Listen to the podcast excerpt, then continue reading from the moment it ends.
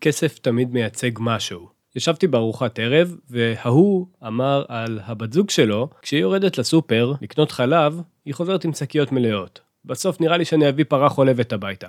היו כאלה שצחקו, היו כאלה שרק מנימוס. אותי אישית זה לא הצחיק כל כך. העציב אותי לשמוע בהמשך שאין לה בכלל אשראי. שכשהיא רוצה משהו, היא צריכה לקבל תקציב מהגזבר. לבת שלי זה לא יקרה. מהסיבה הפשוטה שכשהיא תגדל, אני מאמין שיהיה לה תיק מחכה מדדים.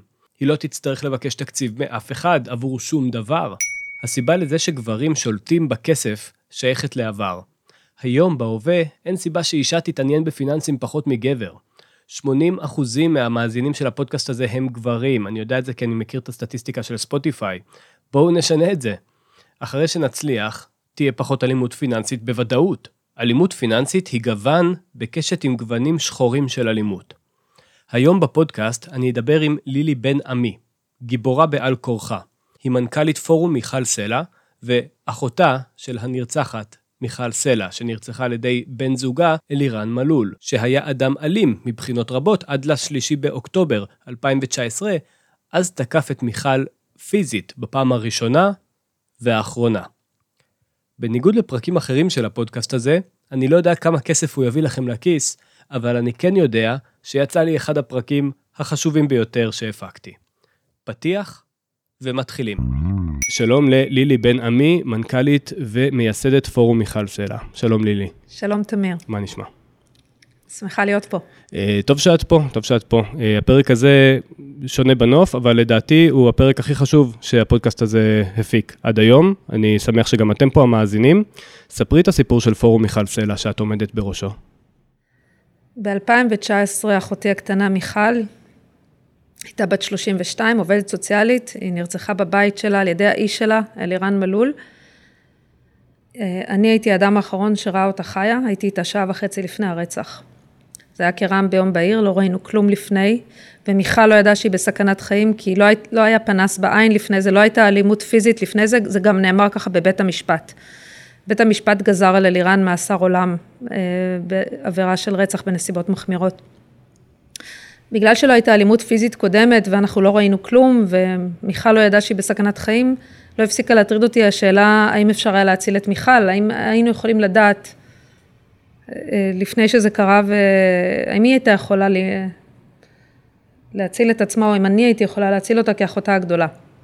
ובעקבות זה הקמתי את פורום מיכל סלע. המטרה של פורום מיכל סלע זו עמותה רשומה ללא מטרות רווח והמטרה שלנו היא ניבוי ומניעה של אלימות בתוך הבית, של אלימות במשפחה, של רצח נשים, באמצעות חדשנות וטכנולוגיה. ולזה את היום מקדישה את חייך. כן. הנושא מאוד מאוד רחב, מאוד כאוב, יש המון עבודה. היום אנחנו נהיה נישתיים, אנחנו נדבר על uh, התעללות פיננסית, על אלימות כלכלית, נדבר על, על אותה זוגיות uh, רעילה, אבל באופן uh, יותר ספציפי. ננסה להגיע לראש של התוקף, ננסה להגיע למניעה ולטיפול, אבל לפני זה רציתי לשאול אותך שאלה שמעניינת אותי. אלימות כלכלית היא גוון בתוך אה, כל אה, קשת האלימויות האפשריות בתוך אה, זוגיות רעילה, או שהיא בעצם מדרגה, קפיצה, איזשהו שלב בדרך לשלב הבא. יכול להיות זוגיות שיש בה כמה סוגים של אלימות, לדוגמה אלימות כלכלית ואלימות מינית או פיזית או נפשית, ויכול להיות שרק אחד מהם מופיע, זה לאו דווקא מדרגה. בסוף בסוף כשמדובר באלימות בזוגיות, המשותף להכל זה שליטה. זה אדם אחד שמנסה לשלוט בבן או בת הזוג שלו. והשליטה באמצעות כסף, באמצעות אלימות כלכלית, זה דרך לשלוט באדם אחר. כמה כסף אתה מוציא, איך אתה מוציא, תביא לי קבלות, אה, אה, על מה אתה מוציא, כלומר זה דרך לשלוט באדם אחר. האדם האלים בזוגיות, כאמור זה לא חייב להיות אלימות פיזית, במקרה של אחותי לא הייתה אלימות פיזית לפני הרצח, המכה הראשונה הפיזית הייתה המכה האחרונה, כן הייתה אלימות נפשית, גזלייטינג מה שנקרא, אה, ניסיון לשלוט בה בכל דקה בזמן שלה, אה, בכל מה שהיא עושה, עם מי היא מדברת, אה, עם מי היא נפגשת, על מה היא מדברת, כל דקה, זה אדם שמנסה לשלוט באדם אחר, כשלקורבן למעשה גם אין פרטיות. אין פרטיות וגם כל מה שקשור לשיקול הדעת שלו יכול להילקח ממנו. Mm-hmm. האדם האחר, האדם האלים, זה בעצם אפשר לקרוא לזה במקום המילה אלימות, אפשר לקרוא לזה שתלטנות. כי אלימות הרבה פעמים נקשרת אצלנו עם אלימות פיזית. נכון. והמילה שתלטנות אולי היא אפילו יותר נכונה כשמדובר באלימות בזוגיות, כי הרבה פעמים אה, אין אלימות פיזית, וזה יכול להגיע לסכנת חיים, כמו במקרה של אחותי. למעשה חצי מהנרצחות לא הייתה אלימות פיזית קודמת, אבל כן היו אלימויות אחרות. אז אה, באלימות כלכלית זה שוב, זה הכל בסופו של דבר ניסיון לשלוט בה, בהתנהלות שלה, בהוצאות שלה, ב, אה, אם יש לה כרטיס אשראי או אין לה ומתי היא מוציאה ועל מה היא מוציאה.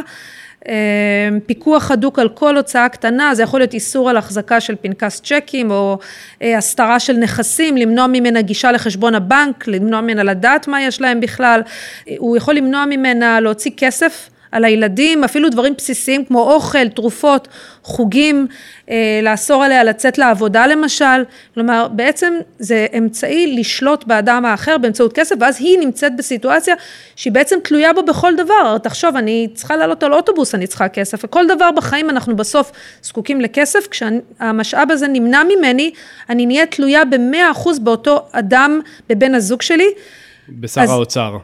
כן, וצריך להדגיש, כשמדובר באלימות כלכלית, לא מדובר פה בבן זוג קמצן או באישה בזבזנית, וגם אין קשר למצב כלכלי. הם יכולים להיות מאוד מאוד מאוד עמידים, אפילו אה, אה, אה, זה יכול להיות באלפיון העליון, יש גם, אני מכירה מקרוב גם מקרים כאלה, כדי שזה יהיה אלימות, אם אתה רוצה לקרוא לזה אלימות, זה שליטה. כשיש אלמנט של שליטה של אדם אחד באדם השני. זאת אומרת, אה, תראי, אי הסכמות, אה, או, או צד אחד בזוגיות שקצת יותר אה, רוצה להיות hands on על הכספים, מאשר הצד השני, זה יש, וזה יכול להיות גם חלק מזוגיות שהיא בריאה ותקינה, אבל מתי זה הופך להיות לממש אלים, אם אני מבין אותך נכון, בעצם כאשר אחד מבני הזוג, acting, אומר, אני לא מאשר, אני לא מאשר שתוציא סכום אה, מעל X אה, בלי האישור שלי. אני מבין נכון? כן, וזה גם לא משנה אם היא עובדת או לא עובדת, אנחנו רואים את זה גם במקרים שיש לה כסף משלה והיא מפרנסת והיא לא יכולה להוציא את הכסף שלה. וגם אתה רואה שזה חד צדדי, כלומר הפוך זה לא יקרה. כלומר, היא, היא הוא, לא, הוא לא צריך לבקש ממנה רשות להוציא כסף, והיא לא תאיים עליו שהיא תגזור לו את הכרטיס אשראי. כלומר, אתה יכול לראות מערכת יחסים חד צדדית במקרה הזה, וכאמור, העניין הזה של לשלוט בהתנהגויות של אדם אחר, כבעצם כמו, כמו עוד ילד או ילדה שהוא כן. בעצם שולט בהוצאות ובהכנסות, דבר שהוא לא תקין. בזוגיות בריאה, בזוגיות, אה, אה, אני אגב נשואה 20 שנה לגבר ויש לי שלושה בנים, אני הבת היחידה בבית שלי, בזוגיות בריאה, שני בני הזוג הם שווים. הם מסתכלים אחד לשני בגובה העיניים, אני לא שולטת בו, הוא לא שולט בי, הוא מוציא כסף, כמובן שיש לנו שיקולי דעת, כן, אנחנו אה, מתייעצים, מדברים, אבל אנחנו שווים בכל מה שקשור לנושא הכלכלי. איך אפשר לזהות דפוס התנהגות כזה כבר בדייט ראשון או דייט שני? יש איזושהי דרך? תראה, כשמדובר על, אה, על דפוסים שאפשר לזהות כבר בהתחלה, אנחנו צריכים לנסות לזהות דפוסים אה, של שתלטנות, אבל זה בדרך כלל קשה לזהות את זה בהתחלה. אה, אם אנחנו ניקח את הטייפקאסט שאני כותבת עליו ומתעסקת איתו בפורום מיכל סלע, שזה שוב, האדם שהוא לא אלים פיזית. Mm-hmm. אני מדגישה, זה אדם שהוא לא אלים פיזית, הוא אדם שהוא אלים נפשית, ובמונח מקצועי האנשים האלה נקראים, זה נרקסיסט פסיכופת. כן. אוקיי? הנרקסיסט הפסיכופת זה אדם, זה בעצם הונאה. הונאה, כשאתה מתחתן עם אדם כזה, זה נישואי עוקץ, את בעצם מתחתנת עם אדם אחר ממי שראית. והאדם הזה הוא בעצם אה, זאב ששם מסכה של כבשה. אז בתקופה של הזוגיות, בתק... אה, של ה dating, בתקופה הראשונה, זה כל המומחי אלימות במשפחה מצביעים על אה, זיקוקי דינור בזוגיות, אדם שהוא הנסיך על הסוס הלבן, מי שאת חולמת, ויש הרבה מונחים מקצועיים שמת, שיכולים לעזור לנו לזהות את זה, לדוגמה מירורינג, מירורינג זה כשהוא אה, שיקוף, מתנהג כן. כמוך. כן. נגיד, אני אוהבת uh, לנגן בתופים, גם הוא אוהב לנגן בתופים. אני אוהבת את הזמרת והזמר הזה, גם הוא אוהב את הזמרת והזמר הזה. הוא בעצם, uh, אותו אדם, על מנת להצליח לכבוש, לכבוש אותך, הוא לומד אותך בלי שאת יודעת, והוא בעצם משקף לך את האדם שאת היית הכי הכי הכי רוצה שיהיה בן הזוג שלך, וזה בעצם שקר. הוא הבן זוג האידיאלי, אמרה לי אישה שורדת אלימות, היא אמרה לי, זה זיקוקי דינור יותר מבן זוג רגיל. זה הבן אדם הזה שיכתוב את השם שלך אה, עם מטוס סילון בשמיים, וימלא את החדר שלך בפרחים בעשרת אלפים שקל, וכאילו, הוא, הוא עושה את זה, זה יכול להיות אפילו בצורה מוגזמת. אגב, אחד הדברים שתמיד משותפים אה, לאנשים האלה, הם יספרו לך שבת הזוג שלהם הקודמת, האקסיט, בגדה בהם. הוא תמיד, תמיד, תמיד מסכן. ישמיט את האקסיות, ישמיץ. תמיד 아, אה, ישמיץ, ישמיץ את האקסיות כן. שלו, והוא גם ייצור דימוי של קורבן. הוא מסכן, בגדו בו, אה, פגעו בו, והיא, בדרך כלל הרבה פעמים האישה שהיא קורבן אידיאלי, זה מישהי שהיא מלאת חמלה, זאת שנותנת תמיד מחמאות לכולם, והיא תהיה זאת שתציל אותו, שתעזור לו, היא, תראל, היא תחזיר לו את האמון בנשים. שרוצה לטפל. כן, אז מצד אחד הוא פרינס צ'ארמינג, המאהב המושלם, המחזר, הוא מנשק את הרצפה שהיא דורכת עליה. זה כאילו, זה קצת קצת להתאהב בעצמך, כי הוא מעריץ אותה. כן. הוא, הוא, את האישה של החיים שלי, אני לא יכול בלעדייך, אני רוצה איתך ילדים, זה גם מתקדם נורא מהר. אגב, מהר מאוד הוא, הם אה, יכולים לעבור הזרה. למערכת יחסים, אה, לקיים יחסי מין לא מוגנים, לעבור לגור ביחד, כאילו הרבה פעמים דברים שהם ישר מחייבים מהר מהר מאוד, הוא יכול גם להציע לה אה, להתחתן וכן הלאה. אז מצד אחד הוא המאהב המושלם והוא מעריץ אותה, מצד שני, הוא גם קורבן, הוא אה, מסכן, אה, אימא שלו ככה, אבא שלו ככה, בת זוג הקודמת פגעה בו בעבודה, אה, עשו לי ככה וככה, כלומר מתבכיין, mm-hmm. אנחנו קוראות לו לזה באחד מתמרורי האזהרה שלנו, הקדוש המעונה, גם קורבן והוא גם יכול להיות גם תוקפן. כשמאוהבים, מאוהבים, הרבה מאוד פעמים החוכמה היא בדיעבד. אבל לפעמים דווקא האנשים הקרובים אלינו הם אלו שיראו את אותם תמרורי אזהרה ש, שאת מדברת עליהם, אנחנו עוד נציין אותם, זה מאוד מאוד חשוב בהמשך. איך אפשר לזהות, לא לטפל, רק לזהות אה, כשמישהי נמצאת באיזושהי אה, זוגיות אה, שתלטנית. אני אומר מישהי, כמובן זה יכול להיות שני הצדדים, אנחנו מדברים, אני בן אדם מאוד ישיר ומאוד common sense, אז אני מדבר כרגע על המקרה הנפוץ. איך אפשר לראות ולזהות שמישהו נמצא באיזושהי מערכת יחסים עם נרקסיסט, שתלטן? אני ראיתי את, ה, את המקרה שעליו דיברתי בפתיח, אני ראיתי את זה במו עיניי. זה היה די ברור. איך אפשר לראות את זה אפילו בשלב מוקדם יותר? בפורום מיכל סלע אנחנו מאוד פרגמטיות, כמוך תמיר, ואנחנו, כל הקמפיינים שלנו הם מאוד מאוד פרגמטיים, נותנים לך אה, ארגז כלים, איך לזהות, מה לעשות. אז uh, הקמפיין הראשון שהוצאנו זה חמישה תמרורי אזהרה בזוגיות, אתם יכולים למצוא את זה באתר של פורום מיכל סלע. אם אני אתן לזה כותרת אחת, זה כשהיא הולכת על ביצים בבית שלה. את לא אמורה ללכת על ביצים בבית שלך. הקמפיין האחרון שהוצאנו בנובמבר האחרון, מדבר על איך הסביבה יכולה לראות, איך אח שלה, אבא שלה, החבר, הידיד שלה, איך, איך אתם יכולים לראות את זה עליה. אז אני עכשיו אה, אתן לכם את התמרורים הללו. אז uh, הראשי תיבות זה להתערב, אנחנו מדברות על זה הזמן להתערב, אנחנו קוראות לכם לדחוף את האף ולהתערב, mm-hmm. זה מציל חיים. אז באות להתערב, האות הראשונה למד, לא כמו פעם, היא לפעמים נראית כבויה. מיכל אחותי תמיד מחייכת, תמיד צוחקת, אור בעיניים, בתקופה שהיא הייתה איתו, עיניים כבויות. אז באמת לא יהיה בהתחלה. בהתחלה היא מאוהבת מעל הראש, זה יהיה נניח חצי שנה אחרי תקופה שהם כבר ביחד, אתה רואה שהיא אה, לפעמים נראית כבויה והיא לא האדם שאתה מכיר כל הזמן, גם יש הרבה פעמים בעיות רפואיות. זה גוף נפש, גם כשהוא לא נוגע בה בלי אלימות פיזית, mm-hmm. הרבה פעמים הן מפתחות הרבה בעיות רפואיות, ואני יכולה להגיד לך שפעם אחת הרציתי בבית חולים הדסה, לפני כל העובדות הסוציאליות ומיילדות.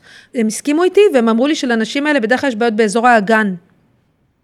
באזור האגן. כן, כאבים. זה לא, שוב, לא של אלימות פיזית, אלא כל מיני תופעות פיז... פסיכוסומטיות. פיזיות, כן, שבאות לידי ביטוי באזור, באזור הזה. אז זה התמרור הראשון, שהיא לא כמו פעם, ויש לה גם לדוגמה בעיות רפואיות, היא לא מחייכת כמו פעם, העיניים שלה כבויות. Mm-hmm. תמרור השני, להתערב באות ה', התקדמות מהירה. היא מפתיעה במחויבות של הקשר. מהר מאוד הם עוברים לגור ביחד, יש מחויבות, מדברים על חתונה, אחותי מיכל, אחרי חודשיים הוא כבר הציע לה נישואים, ואחרי חצי שנה שהם ביחד הם כבר היו נשואים. עכשיו, לפני זה למיכל היה חבר חמש שנים. Mm-hmm. אהבה מאוד מאוד מאוד גדולה. אגב, הם נפרדו על הרקע הזה שהוא לא רצה להתחייב, היא אמרה, אני כבר בת 31, היא רצתה להתחתן, רצתה ילדים, והוא אמר, אנחנו צעירים מדי. כן. ואחרי חמש שנים של זוגיות, באמת אהבה גדולה, גדולה, גדולה, אה, הם נפרדו. Mm-hmm. ואז היא הכירה את אלירן, והוא אה, היה שם, הוא רצה. אמר, את האישה של החיים שלי, אני רוצה להתחתן איתך, אני רוצה ילדים איתך. והיא אמרה, וואלה, זה בדיוק מה שחיפשתי. אז ההתקדמות המהירה הזאת אה, בקשר זה, זה תמרור שני. Mm-hmm. תמרור שלישי, באות ת', תירוצים. היא מגנה עליו ומצדיקה אותו. זה תמרור מאוד מאוד שכיח כשמדובר ב... אחד על אחד הוא אחרת, אה, דברים כאלה, כן, אני מניח. כן, נגיד איחרנו, היא תסביר למה, הוא לא מגיע, היא כל הזמן מסבירה אותו, היא כל הזמן מצדיקה אותו. אה, זה דבר שהוא מאוד מאוד שכיח בזוגיות הזאת. Mm-hmm. תמרור הבא באות עין עומד בינינו, היא לא מודעת שהוא נדחף. הוא יכול להתקשר לחברה הטובה שלה או לידיד שלה, ולספר לידיד הטוב שלה דברים רעים עליה. הוא, למשל, אני אתן לך דוגמה על אלירן, הוא התקשר פעם אחת לחברה טובה של מיכל, חברת נפש שלה, בלילה, ב-10 בלילה, הוא אמר לה, תקשיבי, מיכל לא במצב טוב, היא, אה, אני והיא כל הזמן רבים על ההזמנות של החתונה. בקיצור, הוא שיתף, אבל אל תספרי לה שאמרתי לך את זה. חברה של מיכל סיפרה לי על השיחה המוזרה הזאת שהיא מקבלת מאלירן, לא, כאילו למה אלירן מתקשר אליי, אני חברה של מיכל, ומספר לי שקשה לו עם מיכל, והוא גם מציג את עצמו כמלאך, אני רק רוצה שיהיה לנו טוב, אבל היא, היא כל הזמן אה, אה, אה, רבה אותי על דברים קטנים, אבל אל תספרי למיכל שדיברתי איתך. ואז שאלתי אותה, תגידי, סיפרת למיכל על השיחה? ובאמת היא לא סיפרה. היא לא סיפרה למיכל. פסיכולוגים קליניים קוראים לתופעה הזאת קופים מעופפים. קופים מעופפים, מהסיפור אה, הילדים המפורסם אה, עם המכשפה. שחסכו ממני אותו כנראה. קוסם מארץ עוץ, נכון? אוקיי. בקוסם מארץ עוץ יש קופים מעופפים. לא זוכר, אוקיי. קוף מעופף בתחום שלנו, של זוגיות רעילה, זה כשהתוקף, הצד האלים, הוא מפעיל אנשים אחרים בלי שהם יודעים את זה. גורם להם לעשות דברים, נגיד הוא ידבר עם אימא שלה, עליה, ויגיד, תקשיבי, היא לא במצב טוב, אני חושבת שהיא צריכה לקחת תרופות, אבל אל תגידי לה שדיברנו. הוא מפעיל אנשים אחרים בלי שהם יודעים, אז הוא נכנס בינינו. כלומר, הם מתמרנים אנשים, הם עושים מניפולציות וגורמים לאנשים להתנהג איך שהם רוצים שיתנהגו. כן, כן, הם עושים את זה בדרכים, תחשוב על נוכל בשוק ההון. כן, כן. בסדר? זה אותו סיפור, שוב, יש המון מאפיינים, המון קווי השקה בין נוכלים בשוק ההון לנוכל בתחום הזה של זוגיות. כן, והפעלה בעולם הריגול, אתה בעצם מייצר לאדם את העולם שהוא חי בו. אה, בדיוק. כן, אוקיי. אז הוא גורם לאנשים, נגיד, לחשוב עליה משהו, למשל.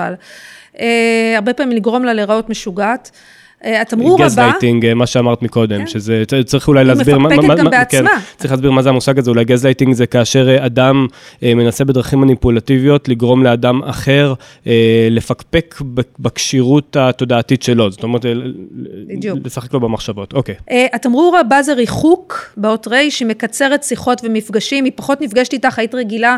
שתמיד היא עושה איתך שיחות נפש, מספרת לך על הבן זוג, כן. כל הזמן מבטלת לך, את לא מצליחה להיפגש איתה, וכשאתן נפגשות, הוא תמיד שם. אין לכם זמן אישי לך ולחברה הטובה שלך, הוא תמיד תמיד נמצא שם, והיא מבטלת ומאוד קשה להיפגש איתה. התמרור הבא, באות ב', בולש אחריה, היא דרוכה ולחוצה, אתם נמצאים ביחד, והיא כל הזמן, הוא אמור להתקשר אליי, היא כל הזמן צריכה להיות זמינה, וזהו, זה השישה תמרורי אזהרה, כשמה אתה יכול לראות על אחותך או על אה, אדם אחר.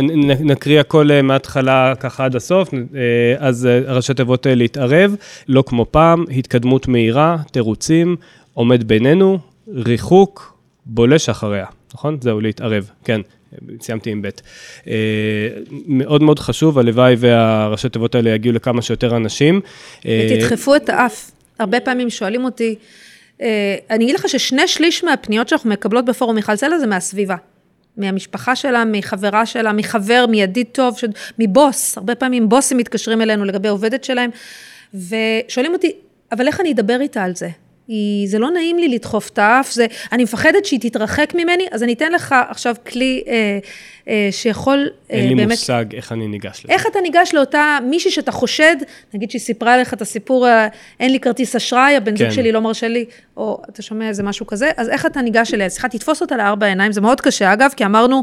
שאין לה פרטיות ותמיד הוא יהיה שם, אבל תנסו בכל זאת, תגיעו לסיטואציה של ארבע עיניים, ושם לשאול אותה שתי שאלות. שאלה ראשונה, האם את מאושרת? הנשים האלה לא מאושרות, הן אומללות. אז שאלה ראשונה זה האם את מאושרת? האם טוב לך איתו? האם טוב לך בכלל? האם טוב לך איתו? זו השאלה הראשונה. אחרי שהיא עונה, השאלה השנייה, תשאל אותה, האם את מפחדת ממנו? אני מנסה לדמיין את התשובות. אני מניח שהראשונה תהיה מגומגמת, והשנייה תהיה מגומגמת אם לא בסוף. זה שתי, בדרך כלל, אגב, הן כן משתפות פעולה כששואלים אותם את זה בצורה ישירה. אה, הסיבה שהן לא מיוזמתן משתפות, כי יש הרבה בושה. יש הרבה בדיוק. בושה באיך בן הזוג שלי מתייחס אליי. פעם מישהי אמרה לי, גם אני לא סיפרתי לאחותי.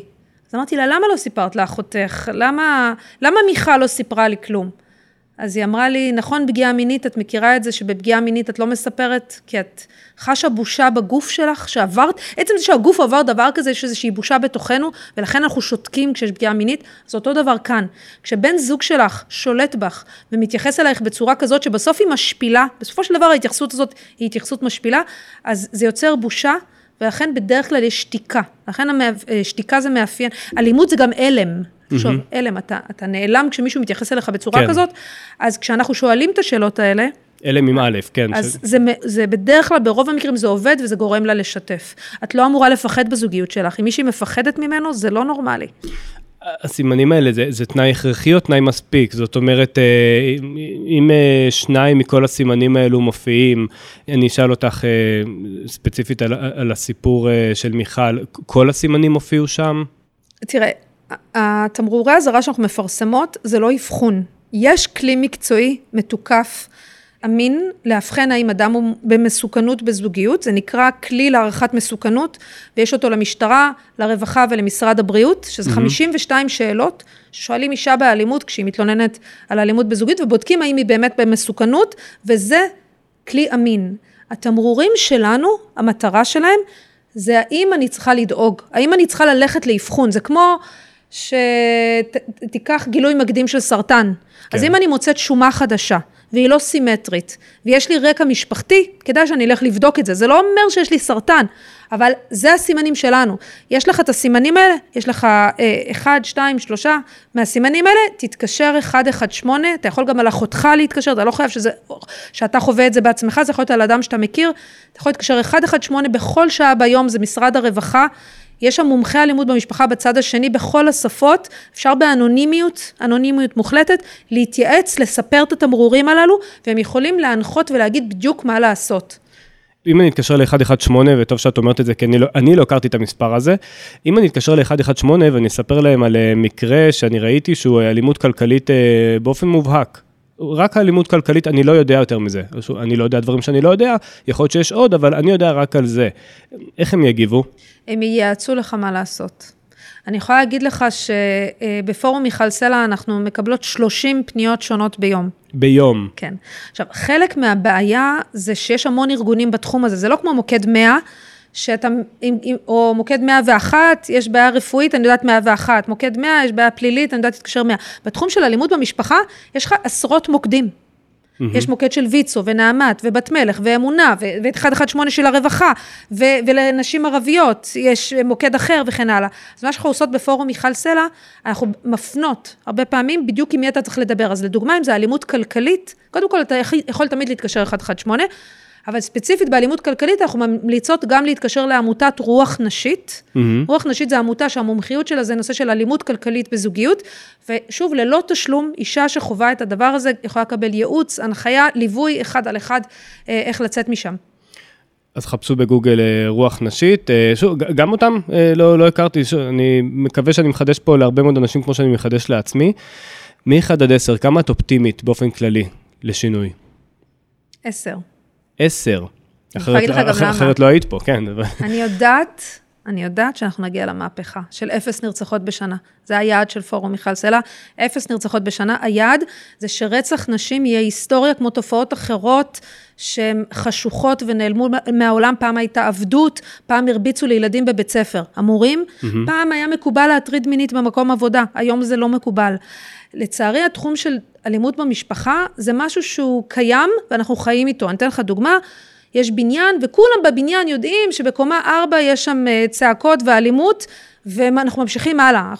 או יכול להיות בעבודה, יכול להיות שיש מישהו שאתה יודע שהוא מתייחס לאשתו בצורה שלך צרמה, כן. אבל אתה תמשיך הלאה, או אולי אפילו עשה משהו חמור, אבל הוא, הוא יעבוד איתי בעבודה. אבל לעומת זאת, לגור ליד פדופיל, לא היית מסכים. או לעבוד עם פדופיל, אתה לא היית עובר על זה בשקט. נכון. צריך להפוך את התחום הזה של אלימות כלפי נשים לאות קין גם חברתי. זה לא דבר שאנחנו עוברים עליו לסדר היום. אם אני רואה אדם אה, מתנהג בצורה אלימה, כן להתערב, כן לדחוף את האף. אני יכולה להגיד לך שחלק מהדברים שאנחנו עושות בפורום מיכל סלע, זה לתת צל"ש לאדם שהציל חיים של אישה באלימות. לצערי זה גם לא מובן מאליו. אנחנו בעצם קוראות לציבור להתייחס לנושא הזה בצורה של שחור לבן, טובים ורעים. אלימות כלפי נשים, בסוף אותו אדם שהוא אלים כלפי אשתו או הילדים שלו, זה אדם שהוא אלים כלפי מי שחלש ממנו, והוא עושה את זה כשהדלת סגורה, כשהתריסים סגורים, הוא פחדן, הוא לא יעשה את זה מול מישהו שהוא בגודל שלו, והחברה מקבלת את זה כגזירת גורל, אין מה לעשות, זה חלק מהעולם. לא, ברק, זה לא גזירת כן. גורל, זה יכול, אנחנו יכולים למגר את זה, ואנחנו יכולים למחוק את זה מהחברה האנושית, אבל כדי שזה יקרה, אנחנו צריכים לטפל בזה באותה חומרה, כמו שאנחנו מטפלים בתופעות אחרות, ובפורום מיכל סלע, אנחנו משוות את זה ללוחמה בטרור. בלוחמה בטרור יש לנו כלים מאוד מאוד מתקדמים כדי למגר טרור, כדי לעשות מניעה וניבוי, זה מה שאנחנו עושות בפורום מיכל סלע, אנחנו לוקחות את אותם מוחות ובעצם מציבות בפניהם את האתגרים של רצח נשים ואלימות במשפחה, כי בסוף, תמיר, תמיר, למה אני יודעת שזה יצליח? אתה יודע למה אני יודעת שנגיע לאפס נרצחות בשנה? מכמה סיבות. אחד, זה הכל דפוסים. הכל הכל דפוסים. אני גיליתי שמיכל לא מיוחדת בכלום, והרוצח שלה לא מיוחד בכלום, והכל זה דפוסים. וכשיש דפוסים, אתה יכול לעשות prevention ו-prediction. מה ה patterns? מה בעצם השביל ש... שהוביל את הנרקסיסט הפסיכופת להיות כזה? תראה, אם אנחנו מדברים על אנשים אלימים, כמו אלירן מלול, שיכולים להגיע למקום הזה, אז אה, רונית לב-ארי, שהיא מומחית אלימות במשפחה, היא 40 שנה מספר אחד בארץ, היא אומרת שאדם כזה זה אדם שעבר טראומה בילדות, שהתעללו בו בילדות, ש... שהוא נפגע מאוד מאוד. Mm-hmm. האדם הזה, שנפגע מאוד מאוד בילדות שלו, בתוכו יש לו בור ללא תחתית. הוא כל הזמן זקוק לאשרור, הוא כל הזמן זקוק לתמיכה מהחברה, מהחברה החיצונית, אז הוא כל הזמן יעשה דברים שיגרמו לאנשים אחרים לתת לו מחמאות. נגיד, אלירן היה הראשון שקם לעזור כשמישהו צריך עזרה. אנחנו חשבנו, הוא מקסים, אני בחיים לא שמעתי אותו גם מרים את הקול, הבן אדם, אתן לך דוגמה, פעם אחת ליאת אחותי היה לה פאנצ'ר. Mm-hmm. אז היא כתבה בוואטסאפ המשפחתי, יש, המשפחתי, יש לי פאנצ'ר, אני עם הילדים הקטנים, מישהו פה באזור יכול לעזור לי? אלירן עזב את העבודה שלו ונסע עד אליה ותיקן לה את הפאנצ'ר, והיא מעלה תמונה בוואטסאפ המשפחתי, תראו איך אלירן עזר לי. כאילו, מלאך, נכון? אתה אומר, לא פלא שמיכל התחתנה איתו, הוא כזה מקסים. אבל לעומת זאת, כשיש מישהו שאף אחד, כשאף אחד לא רואה, mm-hmm. אז הוא יכול להיות מאוד אכזרי, נגיד הוא יכול להתאכזר בבעלי חיים, mm-hmm. לבעלי חיים, לילדים כשאף אחד לא רואה, כלומר, הוא יכול להתאכזר לחלשים, אבל כשזה מול, מול אנשים שהוא תופס מהם, הוא יתחנף, תיאטרון. הוא יעזור, הוא יהיה הראשון. אני בטוחה נגיד שבכלא הוא המצטיין של הכלא, הוא זה שמתנדב לנקות את השירותים ולהשיג את הסיגריה לאסיר האחר. אה, אבל זה בן אדם שאין לו מצפון ואין לו חמלה, אין לו חמלה. והוא, אה, כמו שרונית לב-ארי אומרת, הוא בור ללא תחתית, כלומר, לא משנה כמה, הוא, הוא שותה אנרגיה, כמו ערפד אנרגיה, הוא ייקח ממך, אתה תרגיש מרוקן אחרי שאתה חי עם בן אדם כזה, כי הוא כל הזמן ייקח ממך מחמאות ומילים טובות ו- ואנרגיה, והוא דווקא ייצמד לאנשים האלה שכולם אוהבים אותם. נגיד, מיכל היה לה מלא חברים, והיא הייתה מאושרת, והיה לה טוב, וזה הטיפוס האידיאלי, כי הוא בעצם שותה אותו, שותה אותו, עד שהבן אדם, הקורבן, כמו מימייה שמתרוקנת. הוא מרוקן אותו, ואז כשהבן אדם, הקורבן שלו מתרוקן ונהיה כמו עלה נידף, כי לחיות באלימות נפשית כזאת זה, זה מרוקן אותך, אז הוא, הוא יכול לעבור לקורבן הבא שלו. כלומר, תיאורטית, הייתה פעם אחת אישה שאמרה לי שאיך היא הצליחה להיפרד ממנו, אגב, כי אי אפשר להיפרד מהם, אי אפשר להיפרד מה... זה אחד מהדפוסים שאי אפשר להיפרד מהם, אז איך היא הצליחה להיפרד? היא התחילה להיות אדישה. היא השתנתה לגמרי והתחילה להיות אדישה כמו, כמו חיה מתה בתוך הבית שלה. וזה גרם לו לעזוב אותה. אחרי חצי היא, שנה היא הוא נפרד הר... ממנה. היא בעצם הראתה לו שאין עוד אה, חיות למצוץ מתוך ה... רוק... כן, כן המימייה התרוקנה לגמרי, וכשאין לו חיות למצוץ, הוא יעבור לאדם הבא. כי מזה הם חיים, אין לו משל עצמו. אין לו חיות משל עצמו, הוא ניזון מחיות של אדם אחר. זה... ולכן... אותו אדם אחר, כמו אחותי, כשהיא אומרת לו, אני עוזבת אותך, מבחינתו זה מוות. הוא לא יכול לחיות בלעדיה, היא המימייה של החיים שלו. ולכן, כשהיא אומרת לו, אני עוזבת אותך, מבחינתו זה משהו לגזר דין מוות, ולכן הרבה פעמים גם פוגעים בעצמם. היא נרצחה אחרי שהיא הודיעה לו, אני עוזבת. כן. איך כן עושים את זה? כאילו, אה, מה שאת סיפרת ש, אה, שלך אה, עשתה, זה מאוד מאוד חכם. אני לא יודע אם היא עשתה את זה אינטואיטיבית או עשתה את זה רציונלית, זה מאוד מעניין, אבל האם זה הפתרון הנכון? אני יכולה להגיד לך שכל יום פונות אליי נשים באלימות, ואלה שמספרות לי שהם, זה בעבר, שהם הצליחו לצאת, אני שואל, תמיד שואלת אותם, איך הצלחת לצאת? ומה שסיפרתי לך זה אחד הסיפורים ששמעתי, יש סיפורים מאוד מעניינים, איך הן מצליחות להיפרד, כי זה כמו נשיכה של רוטוויילר, לך תשתחרר, זה ננעל עליך. Uh, הבן אדם הזה, הוא מאיים, הוא, הוא יעשה הכל כדי שלא תעזבי, הוא יגיד לה, אני uh, אלך לבוס שלך ואספר לו מה אמרת עליו, אני אשלח את התמונות עירום שלך בפורנו, אני אפגע בהורים שלך, אני אפגע בילדים. Uh, אלירן אמר לאחותי, אם תעזבי אותי, אני אתאבד. תחשבו רגע אם מישהו, אם בן זוג אומר לכם דבר כזה, שיש להם ילדה משותפת, הוא אומר להם, תעזבי אותי, אני אתאבד, זה כמו כלא. אני קוראת לנושא הזה אה, שהיא בשבי. היא כן. בשבי, כן. ולצאת משם זה יכול להיות סכנת חיים. אז אתה שואל איך כן לעשות את זה. אז אני יכולה לספר לך שאחרי שבאמת, אה, אני הקמתי את העמותה אחרי שישבתי עם באמת המומחי האלימות במשפחה הכי טובים בישראל, וכולם אמרו לי את אותו משפט, שהוא משפט מציל חיים, ומאז אני אומרת אותו בכל מקום, ובפורום מיכל סלע זה כלל ברזל, אם את חווה אובססיביות בזוגיות, לעולם לא להיפרד לבד. עכשיו אני אסביר. זה הכלל ברזל, לא להיפרד mm-hmm. לבד. עכשיו אני אסביר למה, כי אדם כזה, זה, להיפרד ממנו זה כמו לפרק פצצה. כדי לפרק פצצה אתה צריך חבלן פצצות. כן. בסדר?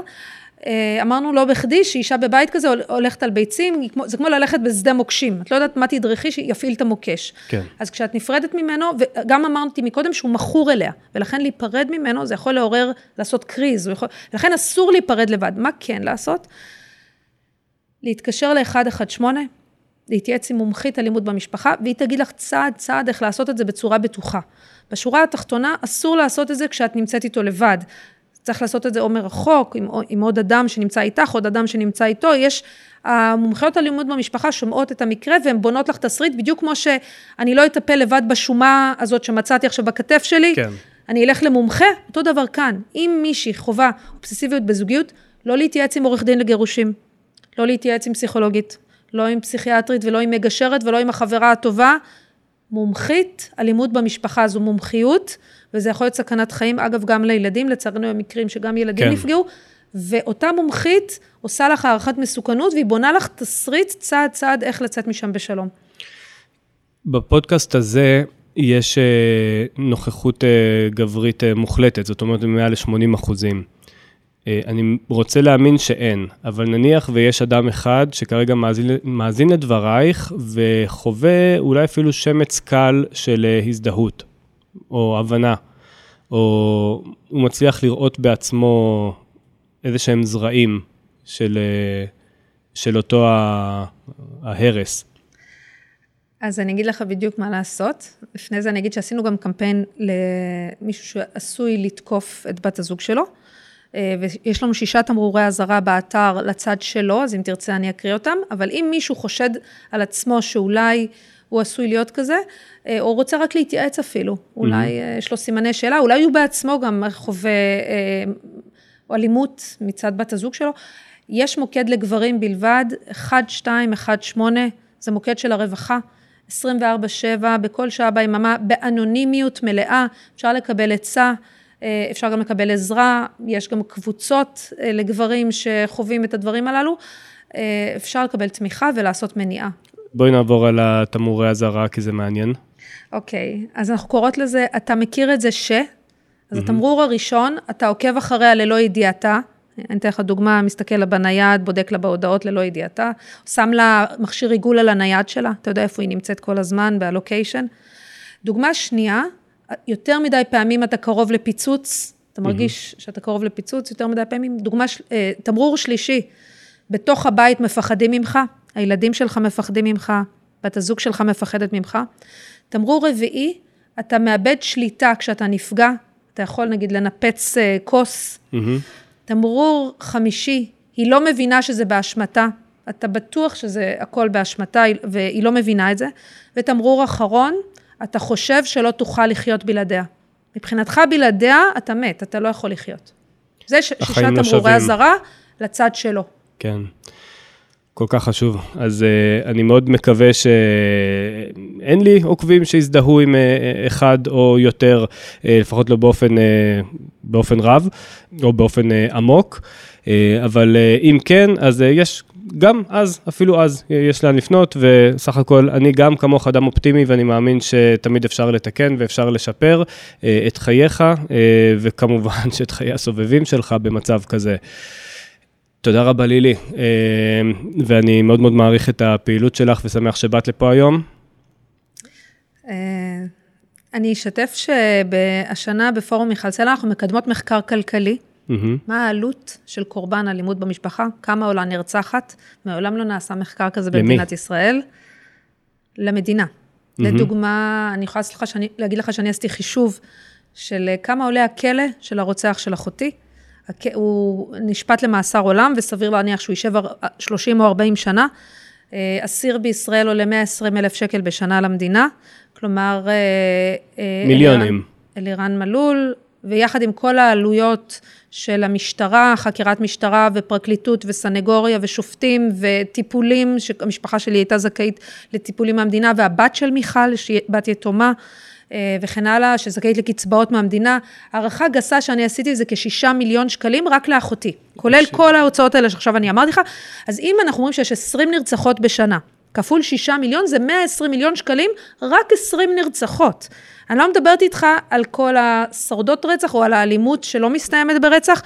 באנגליה עשו מחקר כמה עולה קורבן אלימות למדינה, והם גילו שזה 5.4% מהתל"ג. במדינת ישראל עוד לא עשו מחקר כזה. ברגע שיעשו מחקר כלכלי, כמה עולה קורבן אלימות למדינת ישראל, אה, ואולי אגב גם למגזר הפרטי, כמו חברות ביטוח, אה, מקומות עבודה וכן הלאה, אה, אני מאמינה שאנחנו נצליח לנתב יותר משאבים כלכליים כדי לקדם פתרונות מצילי חיים. אני מניח אה, ששישה מיליון שקלים זאת הערכה זהירה, בחסר, וגם על עלויות ישירות בלבד, אה, לא כולל כמובן פוטנציאל הכנסה וביטול זמן, בלי, אפילו לא של, הנר, של הנרצחת, אלא של כל הסביבה.